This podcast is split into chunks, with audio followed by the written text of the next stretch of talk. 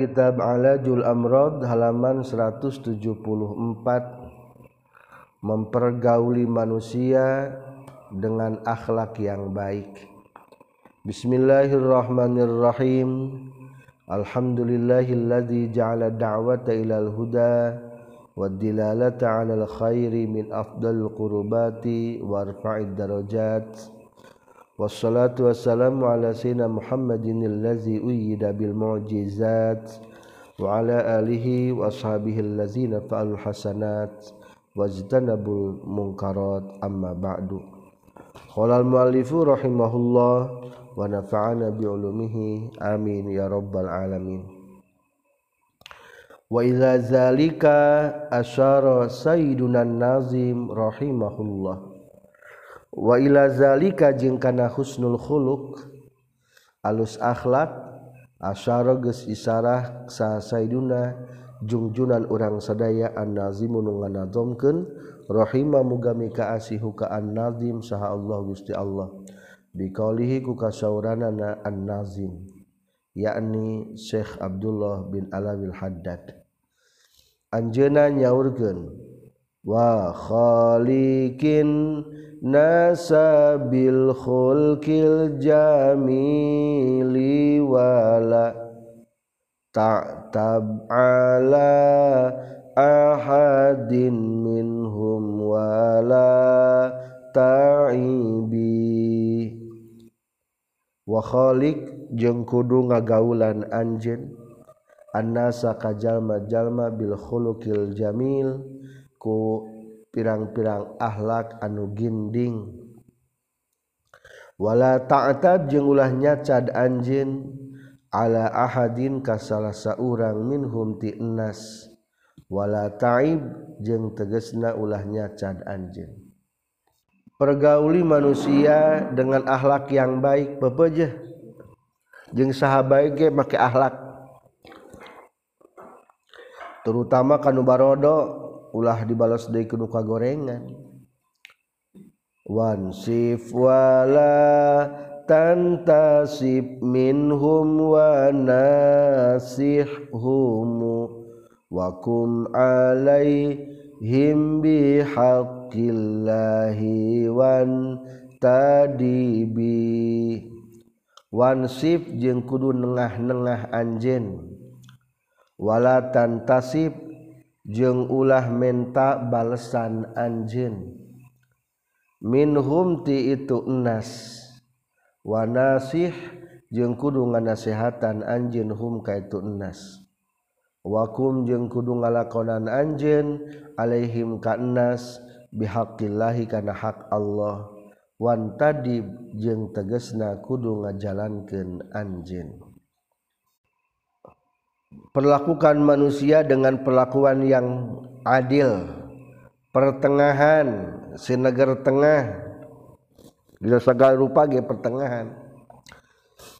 Ulah meminta balasan di manusia. Kerjakan hak-hak Allah. Ay asir tegesna kudu ngarejengan anjin anasa kajal majal mawa sahib jeung kudu ngabarengan anjin hum kaitu enas bitobiatin ku watak hasanatin anu alus wasajiyatin jeung teges nawatak malihatin anu manis. Kama sapertikeun perkara fil hadisin nu tetep dina hadis. Wa khaliqin nasa bi khuluqin hasanin. Wa khaliq jeung kudu ngagaulan akhlak anjeun annasa kajalma-jalma bi khuluqin kalawan akhlak hasanin anu alus. Berakhlaklah dengan manusia dengan akhlak-akhlak yang baik.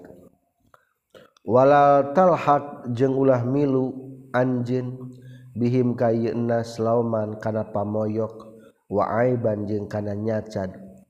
Bal istaghil balik tah kudu katungkul anjeun bi uyubika kana pirang-pirang kaaiban anjeun an uyubihim cul tina pirang-pirang kaaiban enas wazar jeung kudu ngahampura anjin hum kaitu enas bima mima nyatana tina perkara takziru anu sok ngahampura anjin bihi kana ieu emak takziru anu ngahampura bihi kana ieu emak naon nafsuka diri anjin Ari urang kada kasalahan sorangan masuk gede hampura. Tah kabatur gesing gede hampura. wafi jeung kudu nyumponan anjin hum kaynas makana perkara lahum anu tetap manfaat piken nas alekat wajib ka anjin Minal hukuki nyatanatina pirang-pirang hak alwajibati anu wajib. Wala tastafi jeung ulah nyumponan anjin haqqaqa kana hak anjin kamilan bari anu sampurna minhum ti itu enas wala tastakdim jeung ulah nyuprih ngaladen anjin hum ka itu enas. Ulah ngabujangkeun batur. Wala tukallif jeung ulah merdih anjeun syai'an kana hiji perkara. Nikah tina beban anjeun. Wa hajatika jeung tina pirang-pirang pangabutuh anjeun. Tanggung jawab urang pangabutuh urang ulah nungtut ka batur wala tudmir jeung ulah nyimpen anjeun lahum ka itu nas ma kana perkara la tazhar anu teu dohir. Anu teu ngadohirkeun anjeun hukana itu emma. Kagasika seperti ngabujukna anjeun lahum ka itu nas. Wa hikdika jeung kana ngunek-ngunekna itu anjeun alaihim ka nas. Wa hasadika jeung seperti hasudna anjeun lahum ka itu nas. Enas wasu'i dzannika jeung seperti goreng sangkaan anjeun bihim ka enas. Ulah nyimpen anuku anjen siun lamun katembong seperti nipu daya ngunak-ngunak hasud suudon urang tengerakeun ku batur teu muka panggih teh. Ulah berarti eta teh. Wa ghayatun nushi jeung ari antekna nganasehatan. Ala tak tuma etayin ulah nyumputkan anjin sayan karena hiji perkara. Taro anu ningali anjin fi izhari na ngadohirkeun itu sayan naf'an kan aya na kamanfaatan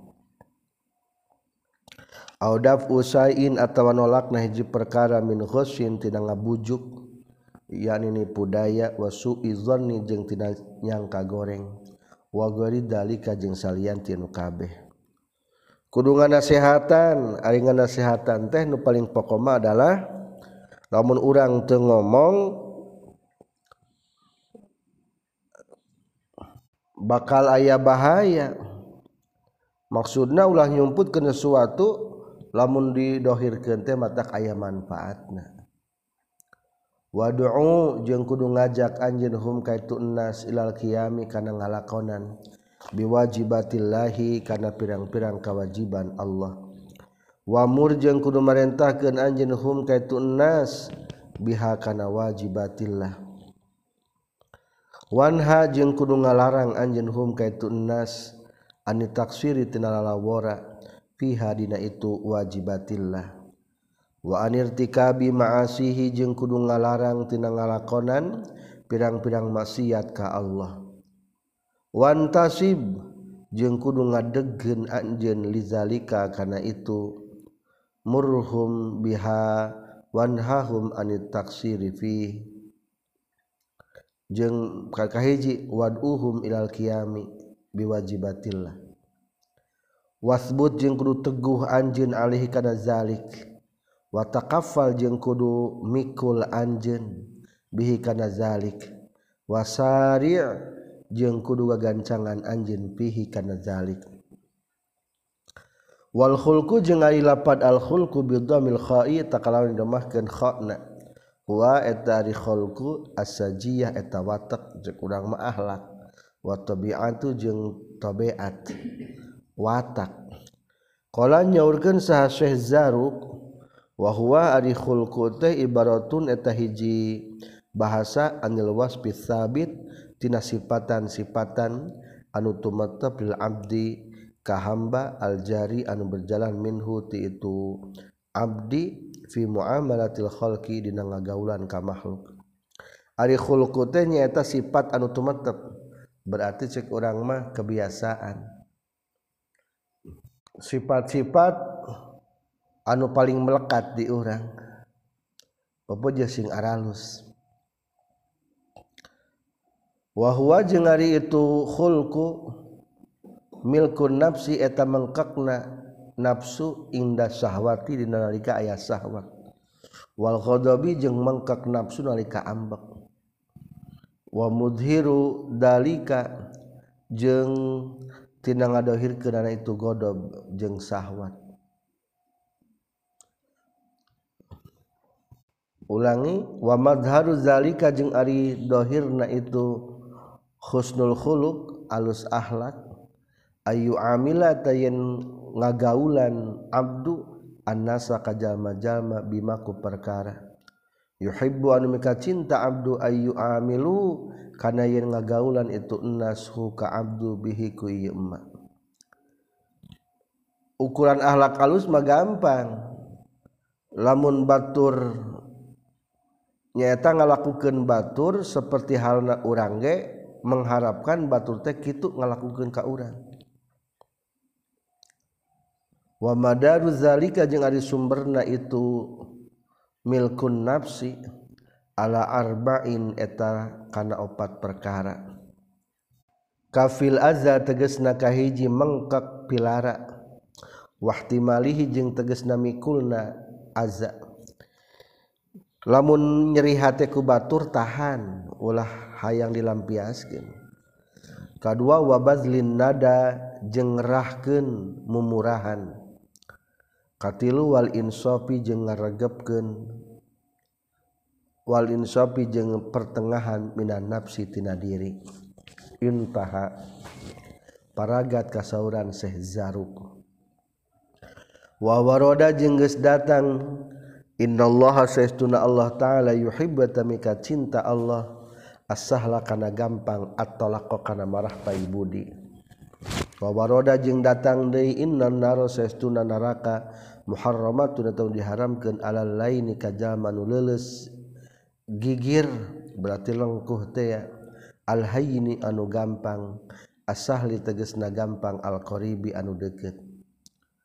Walaisa jeung lain minna eta ti golongan umat kami sahaman jalma lam yuwakir anu teu hormat itu eman. kabirona kanu gede ti urang sadaya. Wayarham jeung teu asi itu eman sogirona kanu leutik ti urang sadaya. Biasakeun lamun kasaluhureun urang hormat kanu sahana pun sing lain kanu sahana pun hayang dihormat salah. Wawaroda jeung geus datang rasul akli ari pokokna akal atawa dudu eta cinta ila nasi ka jalma-jalma. Wastina ul ma'rufi jeung ngalakonan kahadean ila kulli birrin kana saban-saban jalma anu hade wa fajirin jeung anu lacut ciri urang berakal teh lamun bisa cinta ka jalma. Coba lamun eueuh cinta mah disebutna teu mikir. Eh si eta mah teu mikir. Ka Andi teu nyaah tuh.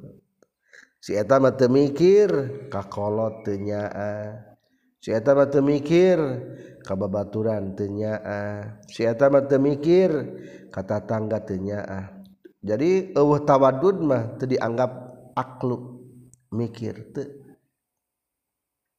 Maka pergauli manusia dengan baik rek baturna goreng atawa hade. Wawaroda jengges datang keterangan. man sahjallma aqala anu ngalubarkeun itu man asrota muslimin kana ti soledatna jalma muslim aqala tah bakal ngalubarkeun saha Allah gusti Allah asrotahu ieu na sing sehingga dihampura lamun batur salah. Wa waroda jengges datang. Al muslim muslim man eta jalma salimanu salam sal muslimuna jalma muslim kabeh mil lisanih tilisan lisan itu muslim. Wayadihi jeung tina pandangan muslim. Wal mukminu jeung ari jalma mukmin man eta jalma amina anu aman min hutisi mukmin sal mukminu jalma mukmin kabeh. Ala anfusihim kana pirang-pirang dirina mukminun wa amwalihim jeung ka pirang-pirang hartana mukminun wa waroda jeung geus datang keteranganlah yahillu tahala limriin pikeun hiji jalma naon ayyushiro yen ngaisarahan? Si imriin ila akhi kadulurna si imriin. Binazrihi binazratin ku paningali tuzi anu matak nganyerikeun itu nazrahu ka itu si akhi. Pepeje ulah ngaleret batul ngarelet ulah ngareret batur. Kumata-mata khianat. Kumata-mata mata pinyeriun ulah bepeja la yahillu tehala li muslimin pikeun jalma muslim non ayu rawi'a. Yen nyingsinan muslim musliman kana nu muslim deui. Wa waroda jeung geus datang keterangan rasud dini ari pokona agama nasihatu eta ngasihatan wa fi sahih jeung tetepna kitab anusheh layu minut iman sampurna sahadukum salah seorang maneh kabeh hatta yuhibba sehingga hingga cinta si ahad. Li akhi kadulna si ahad ma kana sapertikeun perkara yuhibbu mika cinta ahad li nafsihi kana dirina ahad. Wa waroda jeung geus datang deui keterangan man ari sahajal maghas anu ngabujuk itu man. muslimin kajjallma muslim falaisatah lain itu iman minhum ti itu muslimin. Ulah nipu daya. Temenang ngabujuk kumaha be ngabujuk. Lamun dina dagang kadang-kadang khianat. Nu butut disimpan di handap nu alus disimpan di luar. Atawa supaya batur maleri dikolingan heula baturan urang supaya api-api meuli bari mahal. ameh batur gen urutan eta ngabujuk tah. Wa waroda jengges datang anna islaha zatil bayin. Saestuna mereskeun anu ngabogaan masalah Abdul etalih utama minasiyami tibatan puasa wa sholati jeung tibatan sholat wa sodakoti jeung sodako lamun keur aya nu para saya kudu tampil ke muka ku urang bereskeun. lebih utama eta teh tibatan puasa salat jeung sedekah wa waroda jeung jengges datang. Man sahajal masata nutupan itu man musliman kajal muslim. Karena kaebanana satarotah bakal nutupan sallallahu gusti Allah alaika iman fi dunya di dunia wal akhirat jeung di akhirat. Wa waroda jeung jengges datang deui man sahajalma tatabba'a anu nalungtik itu man aurata akhihi. karena kaaiban dulurna itu iman al muslimi anu Islam tatab baatah bakal nalungtik sah Allah Gusti Allah aurat tahu karena kaaibanana ieu iman waman jeung sahajal mata tabaa anu geus nalungtik sah Allah Gusti Allah aurat tahu karena auratna ieu iman yubdihu tah bakal ngabolekerkeun Allahu ka ieu iman walau kana jeung senajan kabuktian ieu iman fi jawfi baitihi. Eta di jero imahna ieu eman. Wa waroda geus datang ma min muslimaini yaltaqiyani fayatasafahani illa ghufira lahumma qabla ayyatafarraqa ma min muslimaini ta ayati dua muslim yaltaqiyani anu patepung duanana itu muslimain fayatasafahani tuluy pasasalaman musafahah itu muslimain illa gufira kajaba dihampura salahuma itu muslimain.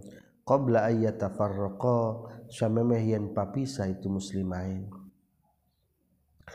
Lamun urang panggih jeung babaturan urang terus salaman dihampura dosa.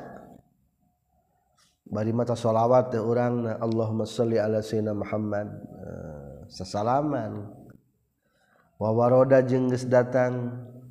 man ari sahajal maroda anu nolak itu eman an irdi akhihi tina kahormatan dulurna ieu eman kana tah kabuktian? Itu roda an arodi akhi lahu pikeun ieu eman hijaban eta jadi panghalang dan nari tina neraka lamun urang babaturan urang dihinakeun digogoreng diomongkeun ku urang bela pepeujeuh hei ulah ngomongkeun batur doraka tak gitu tah lamun urang wani kitu berarti menghor uh, membela kehormatan orang lain maka orang eta hal bakal jadi penghalang orang narak tina neraka wa waroda jengges datang man ari sajal maqdu anu nyumpuran itu eman hajatan karena kehiji pangabutu li akhi pikeun dulurna itu eman fakaan nama khodamatah kaya kaya ngaladen itu iman Allah ka Gusti Allah. Umrohhu dina sepanjang umurna ieu iman wa waroda jengges datang man sajal ma farraja anu ngalenglangkeun ieu iman an magmu ti jalma anu bingung. Aw aana nulungan ieu iman mazluman kanu dolim. Gofarotah bakal ngahampura sa Allah Gusti Allah taala. Lahu pikeun ieu iman salasan kena tilu wasabiina jeung 70 nona magfiratan pangampurana wawaroda jengges datang ke keterangan man sahajal ma'ada anu ngalayad itu man maridon kajal manu gering. Qa'ada tahdiyuk ieu man fi makhari fil jannati dina pirang-pirang patamanan surga. Hatta iza koma sehingga dimana-mana ngadeg Iman wakala wukilatah dipasrahkan bihika Iman sahasabuna alfi malakin. 70.000 malaikat yusalluna anu mangmentakeun istighfar. Itu sabuna alfi malakin alih ka Iman hatta laili sehingga peuting. Wa waroda jeung geus datang deui man ari sahajal mas sayya'a? anu nganterkeun itu man janazatan kana jenazah. Falahu ta tepikeun ieu man qiratun ari sakirat minal ajri tina ganjaran. Fa in waqafa mangkala mun cicing jalma hatta dupina sehingga dipendem itu si janazah falahu maka tetepikeun ieu man kiratani ari dua qirat lamun urang nganterkeun mayit menang sakirat tapi kangubur nungguan menang sakirot jadi dua kirot wawaroda jengges datang alkirot wali sakirot teh mislu uhudin. Eta seperti gedena gunung uhud. Pahala ari kirot teh sagede gunung uhud.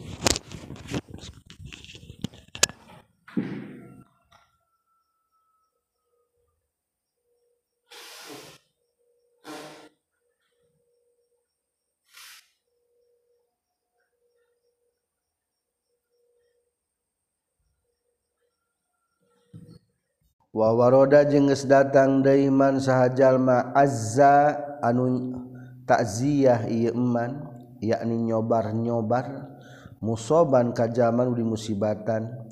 Karena tak kabuktian lau pikir Iman non mislu ajrihi seperti ganjaran itu musoban. Wawaroda jengges datang dari al kalimatu thayyibatu ari kalimat anu alus sodaqotun tas sodaqoh wawaroda jengges datang dari mansahajal mahajaro anu ngareheng nyengker omongan itu eman. Akhahu kadulur dulur na iman faqa salasin dina saluhurun tilu poe adkhala tah bakal ngasupkeun huka iman saha Allah Gusti Allah annara kana neraka illa ayyatadaraka kajabaya nyusulan huka iman saha Allah Gusti Allah bi rahmatihi ku rahmat Allah.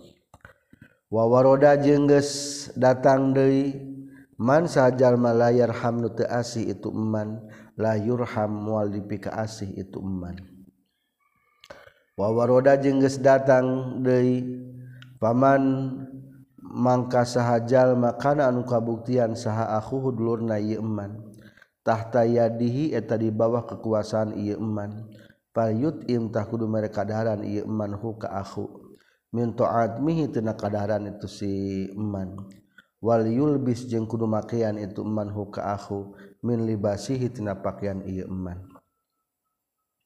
yakni ngamaksud kanjing nabi lil al mamluka ka abid anu dipimilik. Lamun ku Allah dikeresakeun batur dikuasai ku urang dalam artian jadi Abid urang pepeje data hamba Allah jaba mukmin. Bere dahar sakumaha urang dahar bere pakaian sakumaha urang make pakaian. Wa fi riwayatin in haji riwayat ma la yukallifulah merdi itu man huka itu si akhu illa ma kajaba kana perkara yati ku mampu itu si akhu. wawaroda jingges datang deman sahjallma Masya anu lempang ituman fiha jati akhihi. Dina pangabutuh dulur na yeman kata batah bakal nuliskan insyaallah Gusti Allah pikir yeman bikuli khotwatin ku setiap pengkah sab'ina kana 70 naonna hasanatan kahadianana wa maha bakal ngalebur Allah anhu ti sab'ina kana 70 naonna sayiatan kagorenganana. ila ar yarji'a nepi ka yen balik deui itu man min haitsu paroko sakira-kira misahan itu man hu ka itu si akhu. Fa in qudiyat maka lamun geus dicumponan itu hajat ala yadaihi kana dua panangan itu man kharaja takaluar itu man min dunubihi dina pirang-pirang dosana man kayomi waladat seperti poyan ngalahirkan huka eman saha umuh indung na eman. Wa in mata jeung lamun mah maut ieu eman fi mainadina perkara baina zalika antara itu masa fi hajati akhihi dakhala tabakal asub ieu eman al jannata ka surga. Wa waroda jeung datang deui keterangan afdalul a'mal ari pangutamana pirang-pirang amal idkhalus sururi eta ngasupkeun ka bunga alal mukmini ka jalma nu mukmin kusiat dipakean naon auratuh auratna itu eman. Tutupan auratna au usbiat atawa diwarege naon ja'atuh laparna itu eman. Au qudiat atawa dicumponan lahu pikeun ieu eman naon hajatun pangabutuh. Fahadihil ahadisu mangkari ieu pirang-pirang hadis. Tunabihu eta ngelingan itu ahadis al huquqil muslimina kana pirang-pirang hak muslimin. Khususon secara khusus wa umuman jeung secara umum. Wa adabul wa adabal muasyarati jeung ngelingan kana tata krama ngarejeungan wal mukhalatati jeung nyampuran ma'ahum sartana muslimin. Wabillahi taufik jeung eta tetep ke Allah taala. At-taufiku ari nyuhunkeun taufik itulah hadis-hadis yang mengingatkan kita tentang pentingnya memperhatikan hak-hak saudara, teman dan muslimin semuanya. Sekian subhanakallahumma bihamdika asyhadu an la ilaha illa anta astaghfiruka wa atubu ilaik. Walhamdulillahi rabbil alamin.